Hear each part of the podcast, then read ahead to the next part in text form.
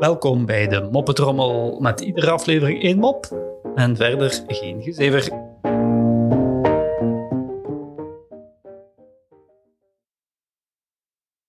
Priester sterft en wanneer hij bij de hemelpoort komt, ziet hij een taxichauffeur uit Brussel die een betere plaats heeft gekregen dan hij. Dus hij gaat naar de engel en zegt: "Ehm, Engel, dit snap ik niet. Ik heb heel mijn leven gewijd aan mijn congregatie.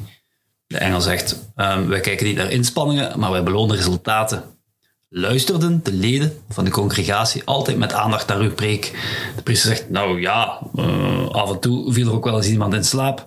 De engel zegt: Precies wat ik bedoel. Wanneer mensen meereden in de taxi van deze man, dan bleven ze niet alleen wakker, maar gewoonlijk begonnen ze ook nog te bidden ook.